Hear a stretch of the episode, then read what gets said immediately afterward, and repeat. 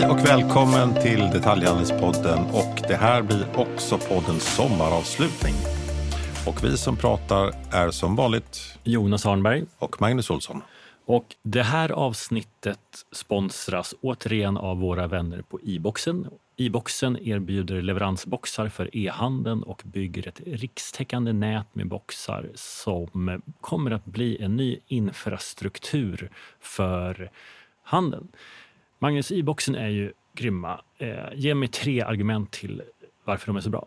Absolut. Ja, men dels så är de tillgängliga för alla leverantörer så att man behöver inte ha ett separat skåp för en viss leverantör utan det blir väldigt yteffektivt. Sen är det också så att de är öppna för privatpersoner så har du sålt någonting på Blocket och du inte vill eller kan eller hinner träffa den som har köpt, då kan du eh, stoppa in din pinal och så skickar du en kod till eh, köparen. Och sist men inte minst så står de ju faktiskt också utomhus och är då tillgängliga 24-7. Så att eh, tillåt alla möjliga skåp att eh, smälla upp helt enkelt så bygger vi en härlig infrastruktur för eh, morgondagens handel. Och glöm inte att lyssna på Detaljhandelspoddens 28 avsnitt som gästas av e-boxens kommunikationschef Marcus Trautman på e-boxen. Stort tack e-boxen! Vad gör man i sommar? Man åker och shoppar på GKs. Och vi har äran att ha Patrik Levin som är vd på GKs i vår sommaravslutningspodd. Varmt välkommen hit Patrik! Ja, men tack ska ni ha. Kul att vara här. Ja, men det här, vi är ju toktaggade för det här avsnittet. Vi har ju pratat e-handelsfrossa hela, hela våren och sommaren och det blir väldigt intressant att få din take på det.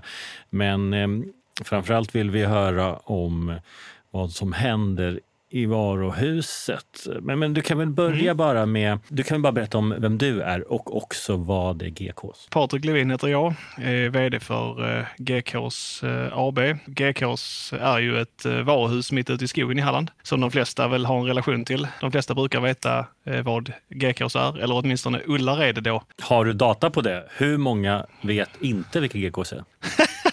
Nej, jag har ingen statistik, men jag skulle tro att det är ett fåtal faktiskt. Eller egentligen inte om du säger GKs. Eh, de flesta vet väl kanske vad Ullared är. GKs är väl lite mer lokalt. Det är ju mer känt som Ullared från tv, tänker jag. Så att, skulle man göra en statistik på vem som kallar det vad så skulle jag säga att folk som bor i Halland eller delar av södra Sverige kallar det för GKs. Resten av Sverige kallar det väl för Ullared. Men det är ju som, som jag sa ett varuhus i skogen eh, som ju många har sett på tv. Det är också eh, en eh, liten by med 519 invånare som eh, 5,2 miljoner svenskar besöker varje år och shoppar på. Hur många är 5,2 miljoner människor i relation till andra handelsplatser? Det, så det låter ju helt enormt mycket. Må- många är där kanske eh, två, tre gånger per år. Eller vad är, vad är snittet? Eh, Snittet är väl 1,7 besök per år om man nu ska vara sån. Så det är, så det är ju ändå en, det bör ju vara någonstans runt 2,7-2,8 miljoner unika besök åtminstone. Vad det är i relation till andra eh, köpcenter, det vet jag faktiskt inte riktigt. Eh, men eh, Man kan ju säga så här, för att vara en singelbutik ute i skogen så är det väldigt högt. Men du, jag, skulle, jag skulle ställa det i relation till hur många eh, orter som har 5,2 miljoner besökare där det bor 519 pers. Det, det tror jag är, jag tror vi är hyfsat unika. Hyfsad import och köpkraft. Kanske. hur många besökare har Gröna Lund? Är, är det den nivån? Nej, tror jag inte. Nej, men det, Nej, det väl GKs, GKs får man väl ändå säga är Sveriges mesta destinationskoncept. Ja, det vill vi ju ändå säga att vi är. Eh, och för ett par år sedan så, så gick vi ju faktiskt om Liseberg i, i, i flest antal besökare på en destination. Sen är det väldigt svårt att göra jämförelsen de senaste två pandemiåren, men, men ett normalår, så ja. Du kommer ganska nyligen, får vi säga, från eh, Coop. Ja, så är det. Innan jag började på GKs då så eh, var jag vd för Coop Vardagshandel och eh, det bolaget fanns ju bara en kort period. Eh, och det var ju egentligen eh, transformationen av Netto i Sverige till Coop där jag då var, eh, drev den resan från det att Coop köpte Netto till dess att alla butikerna var omställda som Coop-butiker och lämnade vidare i systemet. Och sen eh, så tog du familjen och eh, flyttade till eh, Falkenberg för det här jobbet. Vi flyttade till Halmstad, så det är korrekt. Jag, om det är någon som hör min dialekt så tänker jag att man inte tänker spontant att jag är en hallänning, utan jag är ju ganska mycket skåning. Men eh, det är ju lite långt att pendla två och en halv timme om dagen, enkel tur för att jobba på GKs. Så familjen eh, packade ihop sig och flyttade till Halmstad. Eh, och där bor vi nu då sedan eh, juni förra året. Vad slogs du av när du, jag antar att du hade en bild av vad du signade upp för. Var det så eller vad, vad slogs du av när du började? Alltså jag var väl ganska medveten om att det, var, det är ett väldigt traditionellt företag som har växt otroligt fort. Där eh, ska man säga, organisationer, processer och annat sånt här inte kanske riktigt har hunnit hänga med så som det kanske skulle ha gjort. Så det var jag väl ganska medveten om, så det var väl kanske ingen jätteöverraskning. Eh, nej, vad slogs jag av? Kom ju också mitt i pandemin. Liksom, och det var ju eh, var inte mer än en vecka efter jag började som eh, eh pandemilagen eh, startade. Liksom. Eh, två månader senare fick vi inte ta in mer än 500 pers jämfört med att kan ta in 9000 i vanliga fall. Liksom. Eh, det var en ganska stökig tid generellt. Jag, jag Eh, Eh, förvånades väl mest av eh, i, i den situationen eh, organisationens omställningsbarhet och det varma mottagande jag fick trots oroligheterna. Kan du ta oss genom krisen? Hur, påverkade det er? Och, och nu när den är över får vi väl säga, vad, vad blev kvar? Vad, tar ni med, vad är det för beteenden som blev kvar hos kunderna och vad, vad tar ni med er framåt? Ja, vi ska göra det. Nu börjar jag ju 1 januari som sagt 2021. Då hade ju corona kommit 2020 där i. Eh, började väl riktigt sådär i ja, våren 2020. Men hade ju, vi trodde ju att det klingade av på hösten och sen så kom ju det med full smäll i november, eh, december igen eh, 2020. Och ingångsvärdena för min del då när jag började 1 januari var ju ett år där, man, eh, där vi tappade 1,8 miljarder i omsättning i bara varuhuset. Och det är ju även om det är den absolut största verksamheten i GKs-koncernen så är det ju så har vi ju en del andra också som också blir lidande när det händer. Så att ingångsvärdena för min del var ju eh, minus 1,8. Sen så eh, hade jag en vecka i introduktion där. Perfekt. Sen kom ju pandemilagen där den 10 januari. Så det var ju bara att ta på sig eh, kaptenhatten och börja reda ut vad gör vi nu då? Och hur löser vi det här? Liksom? Och, eh, sen, och då, det, det fortsatte ju där i januari, februari. Vi hade ju ett försäljningstapp på 50 procent. Även om det nu är vår absoluta lågsäsong där ju vi kanske ett normalår omsätter kanske strax över 250 miljoner och gör ju på våra bästa månader 800. Så eh, det är klart att det slog på det viset i rätt tid kan man säga. Men eh, sen så gick vi då fram till den 6 mars när eh, man införde 500-taket på alla stora Eh, verksamheter. Vilket jag ju personligen fortfarande inte riktigt eh, förstår, ska vara riktigt ärlig. Eh, och det var jag väl hyfsat eh, öppen med också samtidigt. Eh, jag förstår att man behöver regleringar och regler och annat för att säkerställa att smittan minskas. Liksom. Men jag förstod aldrig riktigt varför man behövde ha 150 kvadratmeter på GKs, men det räckte med 10 kvadratmeter på Ica eller Coop eller någon annan livsmedelsbutik. Men du, och bara så att vi förstår, 500 människor i ett varuhus låter ju ganska mycket. Hur många brukar ni ha?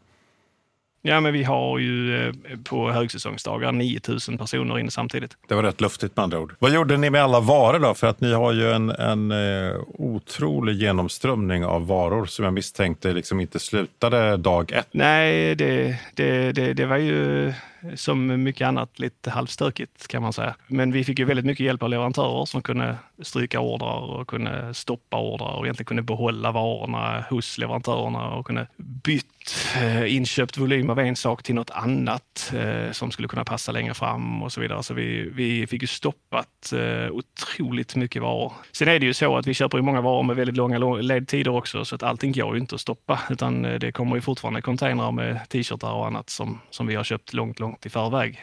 Det har ju såklart varit lite eh, rörigt, men eh, förhållandevis okej okay ändå med tanke på att vi har fått den hjälp vi har fått från leverantörer.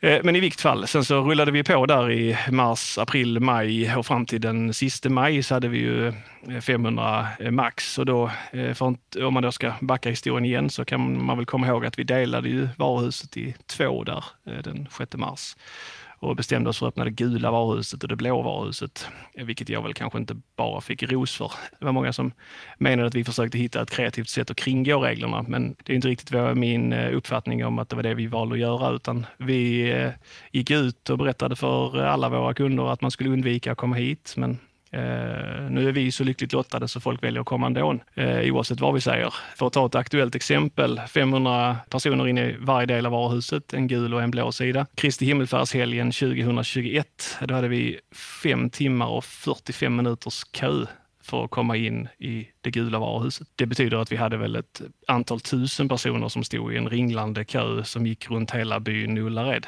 Och eh, när man då hade stått i kö i fem timmar och 45 minuter och sen handlat i en och en halv timme så ställer man sig i kö i två timmar till det blå varuhuset för att komma in och handla en och en halv timme till. Så att, samlat sett så har vi ju fantastiska kunder som har valt att investera 11 timmar i ett besök som kanske skulle ta fyra. En heldagsutflykt. Ja, det säger en del om hur mycket man gärna vill handla. Eh, men sen så om man då fortsätter på resan då, så första juni så fick vi ju eh, lov att ha samma regler som alla andra, det vill säga 10 kvadratmeter då per kund. Eh, och det innebar att vi kunde släppa in 4 300 personer. Vi valde att släppa in 3 500 för att fortsätta hålla lite mer avstånden än vad vi behövde. Och sen så då den 15 juli, som ni minns, eh, så togs ju restriktionerna bort. Och för att då svara på vad som, eh, för jag var ganska nervös och orolig över så här, hur påverkar det här oss långsiktigt? Att vi eh, har haft det här beteendet nu under ja, gott och väl ett och ett halvt års tid. Liksom att man eh, inte ska trängas och det ska inte vara för många människor på ett samma ställe.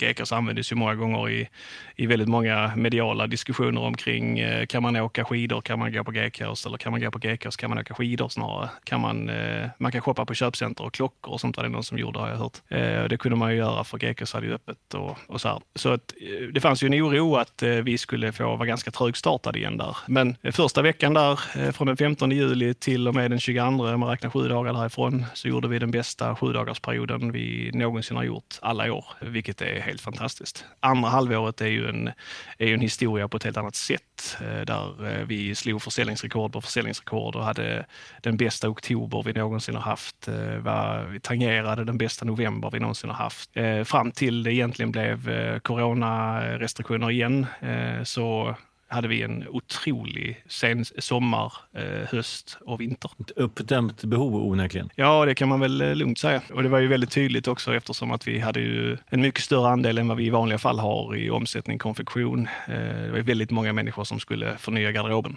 Det var väldigt tydligt. Så, eh, men eh, samtidigt så var det ju ganska mycket svar på att folk vill umgås, folk vill handla fysisk butik, folk vill uppleva saker och ting. Eh, man vill inte bara sitta hemma i soffan och beställa tröjor från sin iPad, även om ni har pratat mycket om e-handel i era senaste avsnitt. Du Patrik, GKs har haft en fantastisk resa och är mycket mer än ett varuhus. Det är ju ett semestermål. Det är, så är det. en, en, tv-program och har ju minst sagt en, en särställning i svensk detaljhandel på många sätt. Men vad, vad fick du för beställning? Hur, hur liksom, vad är tanken att... hur, hur tänkte du när du tog dig an det här? Fixa nu det här? Ja. Nej, men den resan började väl egentligen eh, i början av rekryteringsförloppet lite grann sådär. För, för mig är det också eh, vad är det man letar efter och hur ska jag leverera på det då? Är det rätt för mig eller inte om man börjar där?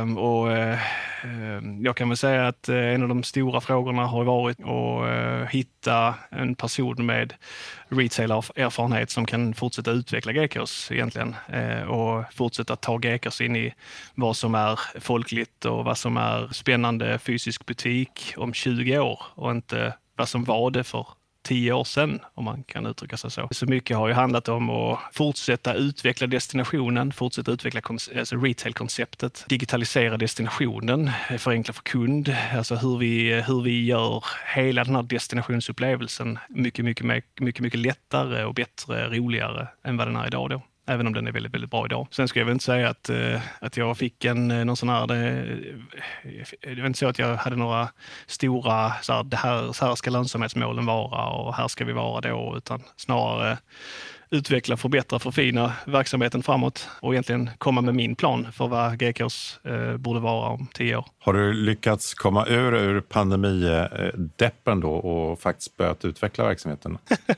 jag tänker aldrig jag hamnade i någon pandemidepp om jag ska vara riktigt ärlig, utan jag hade inte riktigt tid med det. Utan eh, det vi, eh, det, jag tror var eh, Eh, mars-april förra året som vi började med att jobba med vår strategi för de kommande åren. Så att, eh, mitt i allt det där så var vi ju tvungna att säga hur lyfter vi upp eh, huvudet ovanför vattenytan och börjar tänka att det finns en verklighet på andra sidan av det här. Så att, eh, jag skulle absolut säga att vi har gjort eh, otroligt många saker sedan jag började. Vi har eh, lanserat eh, flertalet olika nya koncept här där vi ju sum, samlar ihop erbjudandet på ett helt annat sätt och försöker skapa en mycket tydligare tempoväxlad shopping i varuhuset där du får nya upplevelser hela tiden. Och, och så här. Eh, så att, eh, sen har vi ju väldigt mycket kvar att göra såklart, men det ska vara kul att shoppa. För ni har lyft butiksupplevelsen ett par steg. Det vill jag absolut påstå och det kommer vi fortsätta med. Och det är också de som är förvånade över att ni har fått eh, möjlighet att sälja en hel del varumärken som man inte nödvändigtvis förknippades med Gekos innan. Ja, det, det, förstår jag att man kan vara. Vi har ju också, det har också en tendens att reta upp lite varumärken lite då och då också för att vi säljer dem. Eh, vi är ju lite, vi ska ju utmana saker och ting eh, och det, det, är ju liksom vår roll också så att eh, vi kommer ju fortsätta och, och se till att ha det som kunden efterfrågar och det som eh, eh, ja, oväntat bra saker när du kommer och shoppar. Så... Du säger att ni retar upp varumärken. Det finns de som inte vill finnas hos er? Ja, det, det, jag tänker att man kanske inte alltid vill eh, synas i, i koppling till det. Kan du inte beskriva för de som inte har varit hos er eller inte har varit hos er på länge. Ni kommer ju från en värld, eller hjälp mig, är det så att ni kommer från en gång i tiden har köpt upp stora partier som har blivit över och så vidare? Till, till, ja, så är det ju. till, till att numera också vara säga, en inköpare på riktigt, till och med egna varumärken och att ert, ert, er, ert erbjudande är ju ett väldigt bra pris på, på även schyssta varumärken. Ja, exakt så är det ju. Eh, vi kommer ju från, eh, i verkligheten så kommer vi från en vit villa i ett villakvarter i Ullared. Det är en källare med felsydda kostymer, höll jag på att säga. Det var väl mest arbetskläder egentligen då. Men eh, till att bli en, en verksamhet som köpte upp parti på parti på parti och, och sålde extremt billiga varor. Och idag så skulle jag säga att vi, vi har både det som är väldigt billigt, men vi väljer också bort det som har dålig kvalitet, om man kan, om man kan säga så. Vi, kan, vi, kan absolut, vi är alltid billiga, men vi vill inte ha dålig kvalitet. Eh, vi eh, har, idag har vi både egna varumärken, vi har varumärkens, varumärkessamarbeten, vi har ja, allt däremellan kan man säga. Men det, och det skiljer er lite från den väldigt snabbt expanderande lågprishandel som vi ser nu. I, jag menar, de sista åren har ju detaljhandeln karaktäriserats av tillväxt från, eh, men hjälp mig nu, vad heter de, Dollarstore, eh, Rusta, ÖoB och så vidare.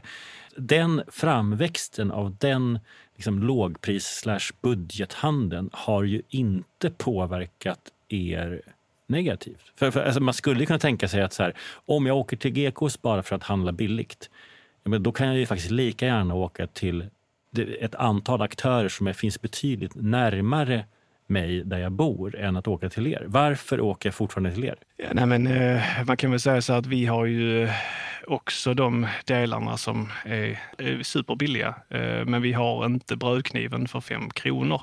Därför att vi anser inte att du ska köpa den och att den går sönder efter två dagar. Då vill vi hellre att du köper en för 19 och den håller i två år. Liksom, om man nu bara kan ta det som ett exempel. Men eh, varför man väljer att komma hit är väl egentligen för att eh, shopping är ju en hos oss är ju inte bara för att det är billigt. Det är klart att det är eh, en, eh, vad ska man säga, en hygienfaktor. Vi är billigast det, så, så är det. Eh, och eh, när man, men när, utöver det så handlar det ju om en upplevelse när man shoppar, eller hur? Jag anser ju att eh, väldigt mycket av det glöms i väldigt många andra koncept. Att man eh, ska uppleva saker och ting också. Där man ska umgås, man ska göra en utflykt tillsammans. Det är som du sa för en stund sedan, det är också ett turistmål eh, på det viset. Att det, det också är eh, för familjen att umgås, att uppleva, att eh, prova saker tillsammans, skapa minnen, ha roligt ihop medan du shoppar. Så det är väl det som jag skulle säga är varför du åker hit. Ett så sparar du pengar, två så upplever du saker tillsammans med eh, vänner och familj och du har roligt. Alltså, det tänker jag är anledning nog. Och det är väl också argumentet till varför du in... Alltså e-handeln har ju parallellt också växt väldigt kraftigt. Men Absolut. det har inte heller varit ett hot. Men egentligen är det så här, om jag vill hitta hitta någonting så finns det ju, så det är lättare för mig att hitta det på nätet än att åka långt för att handla det hos dig? Jo, men jag tror att du beskriver två olika saker i min bild. Alltså du, någonstans det du pratar om det är ju vardagslogistik. Liksom. Hur löser du ditt pussel här och nu? Eh, alltså, var, hur gör jag det lätt för mig själv? Bekvämlighet och allt det där. Eh, och det, det fyller ju sin funktion i vardagen på något vis. Att man, eh, eh ja men, ta pizza som exempel eller mat hemma. Alltså du har uh, olika med tid och du, vill, uh, du ska laga mat med dina barn och du ska se till så att dina mat får barn. Eller när barn får mat, inte mat får barn. du ska till gympaträningar, du ska till allt möjligt, fotboll och allt vad man nu gör. Uh, vissa dagar har du mycket tid, ja då köper du beståndsdelar i livsmedelsbutiken, du gör din egen deg, du fyller din egen pizza med, med, tillsammans med barnen och gör allt det där och bakar den själv. Andra dagar har du mindre tid, då köper du ett pizzakit och barnen får välja topping. Liksom. Eh, andra dagar har du sjukt bråttom och då köper du en färdig pizza. Liksom. Eh, och det vardagspusslet är ju superviktigt i vardagen för allt och alla.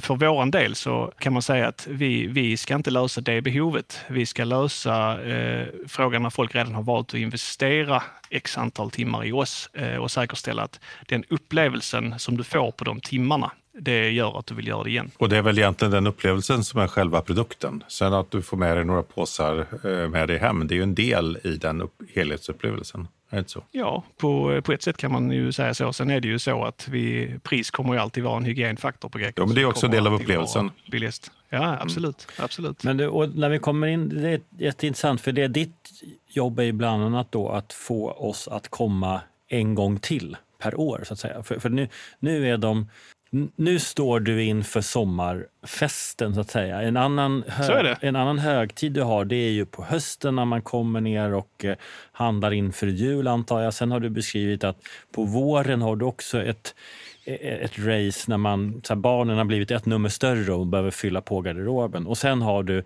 turistsäsongen. Liksom. Beskriv det här året för oss.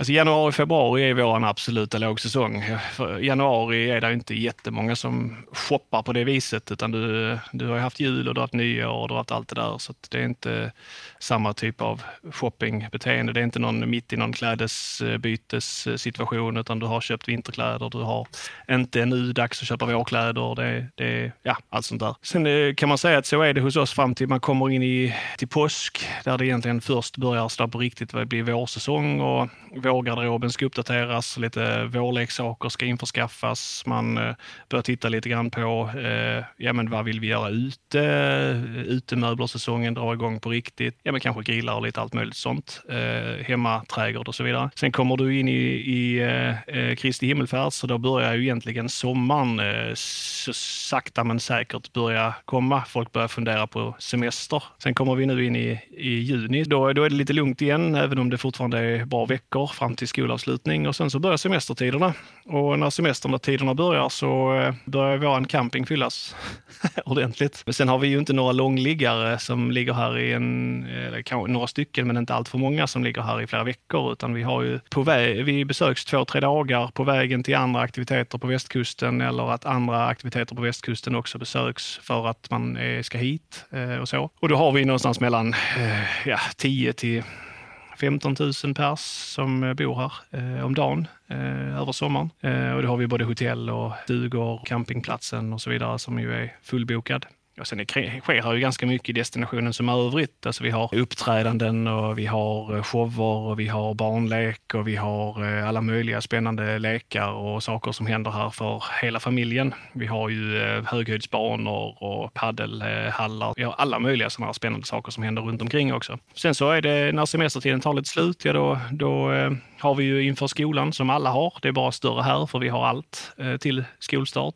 Då börjar höstsäsongen med allt vad man nu ska ha till barnen igen. Jag som är barnförälder själv vet ju att man ska köpa regnset varje år, därför de växer ju. Och man ska köpa overaller varje år, för de växer ju. Någonstans så startar hjulet igång igen och sen kommer du in i september, oktober, november där vår julklappsförsäljning, vinter, höstförsäljning verkligen är igång. Det är ju då vi har våra absolut största månader på året. Även om vi har fler besökare på sommaren så omsätter vi ju mer eh, september, oktober, november. Och sen så kan man säga att vår handel är, är stor där fram till Lucia ungefär och därefter så saktar det ner lite grann när det är mer fokus på kanske mat och, och så upp till julen vad det är presenterna. De har man kanske redan skaffat. Så det är väl eh, ett typiskt år. Det låter som att man aldrig behöver lämna Gekås. Det finns absolut ingen anledning överhuvudtaget. Ska vi prata lite priser? Alltså jag tänker på inflation, inköp. Vi är i en där jag antar att du får betala mer för en eh, container idag än vad du fick för något år sedan. Du, du, du har ja, så är det. Och hur, om, om en viktig del är att ha ett lågt pris, vad gör det med ditt erbjudande om inköpen går upp så mycket som de gör? Eh, det gör det ju för alla. Där kan man väl börja. Eh, och eh, vi jobbar ju med en väldigt en eh, eh väldigt enkel modell eh, rent påslagsmässigt härifrån. Vi jobbar med en, en rak modell som vi alltid har gjort på alla varor, alltid. Eh, så någonstans så är den ju helt transparent. Det är alltid samma. Eh, och det är inte så att vi köper in varor generellt från samma leverantörer som andra för ett lägre pris, utan vi, vi får ju bara ta den konsekvensen på vår marginal. Det är inte så att vi trollar med knäna och helt plötsligt får vi 20% lägre inköpspriser. Så funkar det ju tyvärr inte. Det hade ju varit skönt om det var så, men så är det tyvärr inte. Och eh, vi följer ju marknaden i övrigt eh, så nära vi kan eh, och gör både besök i, hos andra men eh, bevakar ju såklart också på nät och annat eh, hur andra ligger prismässigt och försöker ligga billigare än eh, alla andra på allt, alltid. Så det är klart att vi missar något någon gång och det är klart att det är kampanjer någonstans som vi inte kan förutse och annat. Men jag skulle säga att vårt erbjudande rent prismässigt står sig extremt starkt trots tiderna. Det skulle till och med kunna vara så att ni blir relativt starkare i en period när fokus fokus blir pris. Så att säga. Att då kanske man i ännu högre utsträckning tänker vad ska vi göra i sommar? Vi stannar hemma i Sverige, vi tar en sväng förbi GKs, eller? Ja, det är väl en förhoppning skulle jag vilja säga. Men, men samtidigt skulle jag säga att eh, en sak som är för vår del som ju är viktig, det är ju eh, trovärdigheten kring pris. Liksom, vi vill inte att man ska ens behöva fundera över huruvida man gör en bra affär eller inte. Därför är det ju extremt viktigt för oss att alltid eh, ligga rätt där. Eh, och då får vi ju snarare ta den eh, investeringen själva och leva med lägre lönsamhet i de här perioderna. Så är det ju. Har ni påverkats av utvecklingen i världslogistiken med varuflödesproblematik och brister och så vidare? Har ni... det har ju varit eh, stökigt, ett bra ord. Eh, men jag tror att eh, ställt till den frågan du sa, eller du ställde för en liten stund sedan omkring hur eh, mycket problem vi har haft med för mycket varor, så kan det ju rent av faktiskt ha hjälpt oss eh, i vissa lägen. Det tar ut varandra? Eh, därför att, ja, faktiskt lite grann. Eh, eh, sen är det klart att det är svårt att sälja eh, åtta containrar med plast, eller inte plast, men eh, vad heter det, låtsas granar eh, i januari. Det är svårt eh, när de levereras då. Så att vissa saker är ju eh, besvärligare än andra. Men eh, i, till mångt och mycket under förra året så hade vi en väldigt god varuförsörjning ändå, trots förutsättningarna. Och mycket av det som blev försenat, ja, nej, men det gjorde inte så mycket faktiskt. Patrik, eh, en parallell till e-handeln som mm. du inte ägnar dig åt, men det är ju att där måste du köpa köpa din trafik. Och eh, stora e-handlare har någon form av princip kan man väl säga att man lägger ungefär 10% av sin omsättning på marknadsföring. För syns du inte ja. så finns det inte. Och, ja, det finns ju massa olika delar i, i, i den, vad man gör av de där 10 procenten såklart. Men du omsätter, förlåt vad omsätter ni? 6-7 miljarder? Nej, vi gjorde 5,6 i bara varuhuset 2019, eh, så innan pandemin. Så kallar det för ett normalår runt 6 då, kan man säga. Vad, vad, skulle du göra om du satte sprätt på 600 miljoner i marknadsföring? ja, det är ju helt otänkbart. Eh, alltså, då, eh, det, det ju, skulle kunna göra väldigt mycket saker för 600 miljoner kronor. Men, men, men förlåt, bara tv-serien behöver du inte ens betala för. Det är ju ett litet märkligt undantag. Märkligt vet jag inte om, om det är. Ja, det, det, det, är inte men... så många som har en tv-serie. som dessutom, jag menar, Ica är väl handelns största reklamköpare. Jag inbillar mig att de betalar rätt mycket för den där liksom, följetongen. Ja, det, så är det ju. Eh, men sen är det ju väl också så att eh, det har varit, eh, tv-serien har varit bra för alla involverade, höll jag på att säga. Det är klart att det har varit bra som bara den för GKs. Att man känner Ullared på ett helt annat sätt än vad man gjorde innan och the awareness omkring varumärket och så vidare är ju enormt mycket större idag såklart. Och jag menar eh, 10 procent av eh, omsättningen i marknadsbudget, det är, tror jag min marknadschef hade hjulat baklänges för, men det kommer ju aldrig att hända. Det är ju, vi, vi lägger kanske under en procent, skulle jag säga. Och det är ju framförallt, vi är ju aktiva i sociala medier idag på ett sätt som vi inte var för ett par år sedan. Eh, vi gör ju en hel del content eh, själva. Vi har ju egna eh, varumärkessatsningar tillsammans med Pernilla Wahlgrens, Marie Serneholt och Glenn Strömberg. Där gör vi ju all fotografering själv och allt det, alla de här videor och allt sånt där, reklamfilmer omkring det och så, det skapar vi ju själva. Men det gör vi ju allting inhouse. Vi köper ju in väldigt få tjänster också. Berätta mer om det. Det är så att säga egna varumärken med de stjärnorna? Ja, man kan väl säga att vi, har, vi äger inte varumärkena som sådant, men vi har ju exklusivitet i att återförsälja dem. Skulle du säga att det driver det till butiken eller är det mest sånt man blir glad för att hitta när man är hos er? Jag tror det är en kombination. Jag tror absolut det driver hit eh, en, en, en hel del. Eh, men jag tror också att det tillför väldigt mycket på själva besöket. Att eh, det händer något annat. Det tror jag absolut. Så det är en kombination av båda. Hur tänker ni om, om sortimentserbjudandet som ju också utvecklats de senaste åren väldigt mycket, eller under lång tid. Det finns ju nästan ingenting man inte kan handla hos er. Är det någonting som du, har det blivit för brett eller är det, liksom, är det bra som det är? Eller vad tänker du om det? Nej, men jag tänker att vi, eh, vi fortfarande har en hel del att jobba på för att täcka eh, eh vår sortimentspyramid, om man kan säga så. Vi, har, vi är fortfarande lite väl tunga i eh, bottensegment i, i vissa delar och lite väl tunga i segment i vissa och för lite topp i, i en hel del.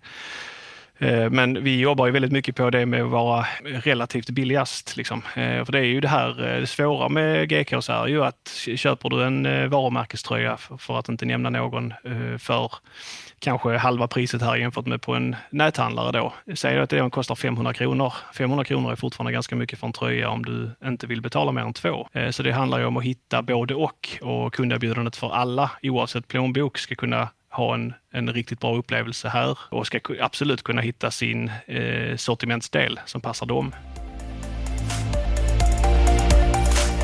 Patrik, eh, jag har ju fått inside på att eh, paddelrack är det smartaste man kan köpa hos dig för det är så sjukt bra pris att leverantörerna knappt vill att du ska säga vad det kostar och det behöver du inte göra. Men du kan väl ändå bjuda. Vi har ju tusen lyssnare som kommer åka ner och shoppa i sommar. Vilken är den bästa dealen?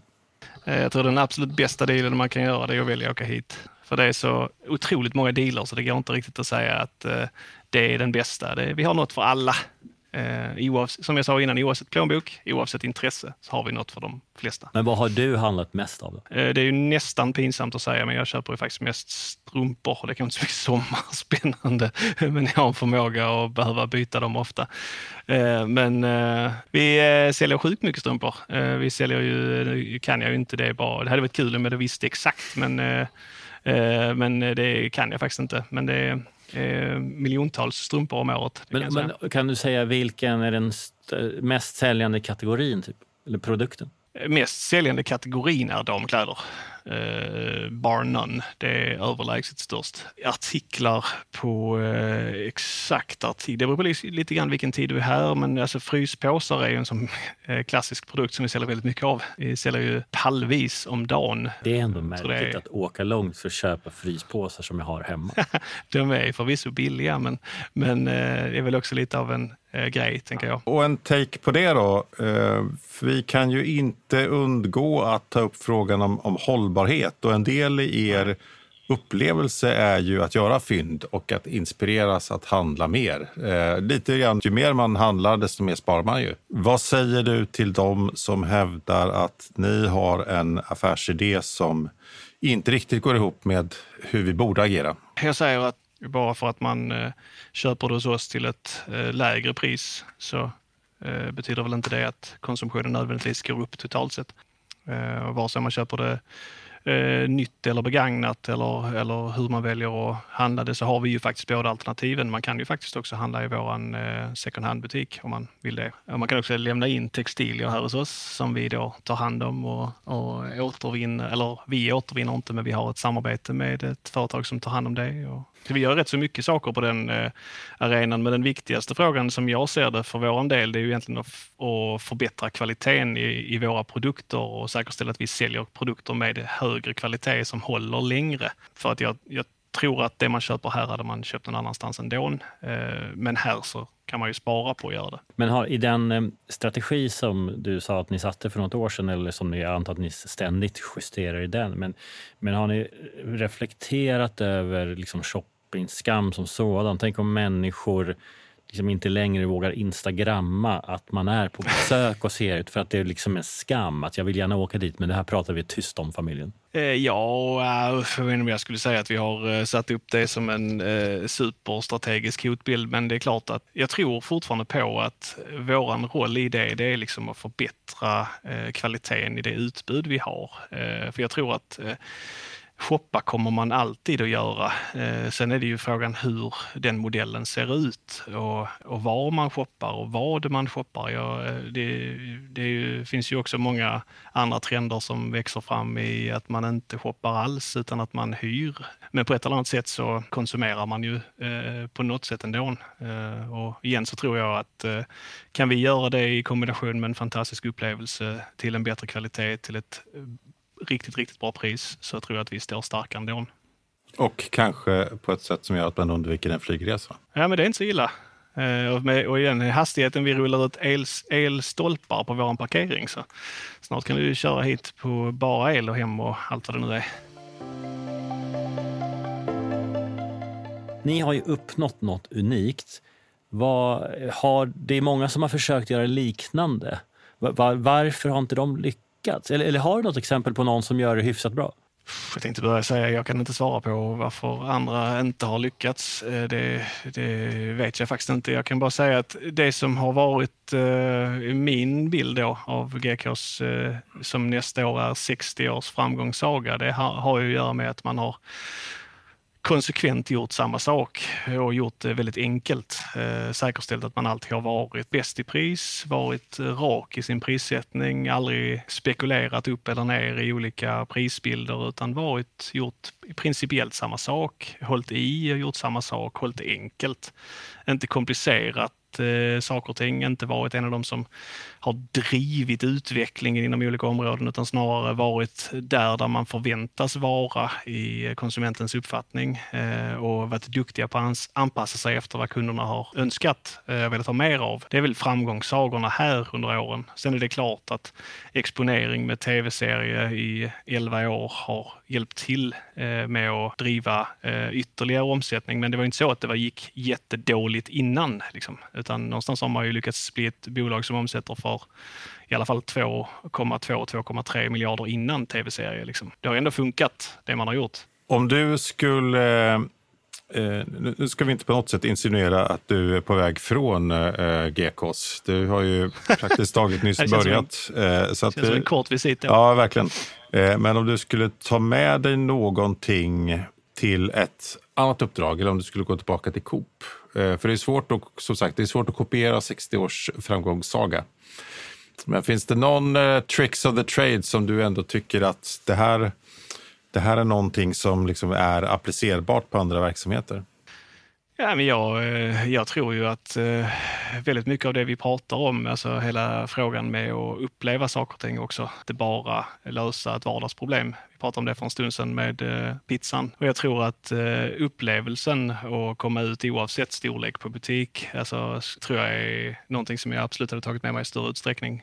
Alla pratar ju om den fysiska butiksupplevelsen, men ta det hela vägen dit Gekos har gjort, där det nästan är som att varje avdelning är sin egen karusell på riktigt. Liksom. Det tror jag att jag tagit med, med mig härifrån. Sen en annan sak är att hålla saker och ting enkla. Det behöver inte kompli onödigt kompliceras eh, och analyseras på alla håll och kanter utan ibland så är det ju bara att se till att göra det.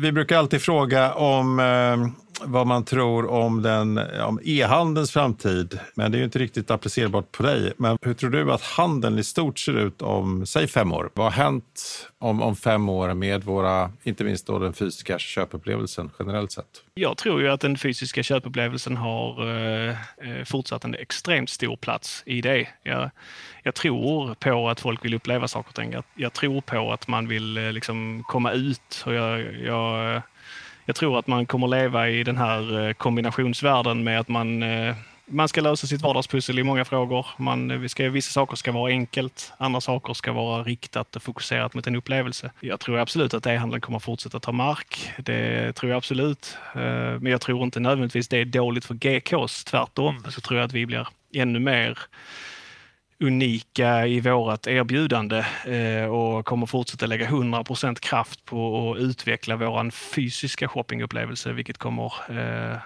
ännu mer förstärka den eh, fyndresa, den upplevelseresa du kommer att göra till oss här på GKs. Och sen tror jag i övrigt då, om man ska titta på marknaden i stort, så tror jag att den som löser vardagspusslet bäst, tillbaka till pizzan, det är den som vinner. Stort tack Patrik för att vi fick låna dig till Detaljhandelspodden. Det var kul. Det var kul att vara med. Vi önskar dig stort lycka till nu med eh, topp toppen eh, i sommarförsäljning. Jag hoppas att det blir välfyllt eh, varuhus. Kan vi lita på att du står där i juli och välkomnar? Jag ser fram emot att välkomna er båda till GKs i sommar. Eh, jag vet ju av eh, eh, egen, det vet jag ju om att du behöver komma på besök Jonas, för det var länge sedan. Jag är toktaggad. Och alla våra lyssnare, ni vet vad ni ska göra i sommar. Stort tack för att ni lyssnade och återigen Patrik Levin, VD på GK. Stort tack för att du var med och bjöd på dina insikter. Tack för idag. Och vi ses i höst. Vi ses absolut i höst. Vi är tillbaka igen i eh, mitten, slutet av augusti. Ha en underbar sommar tills dess. Hej då. hej.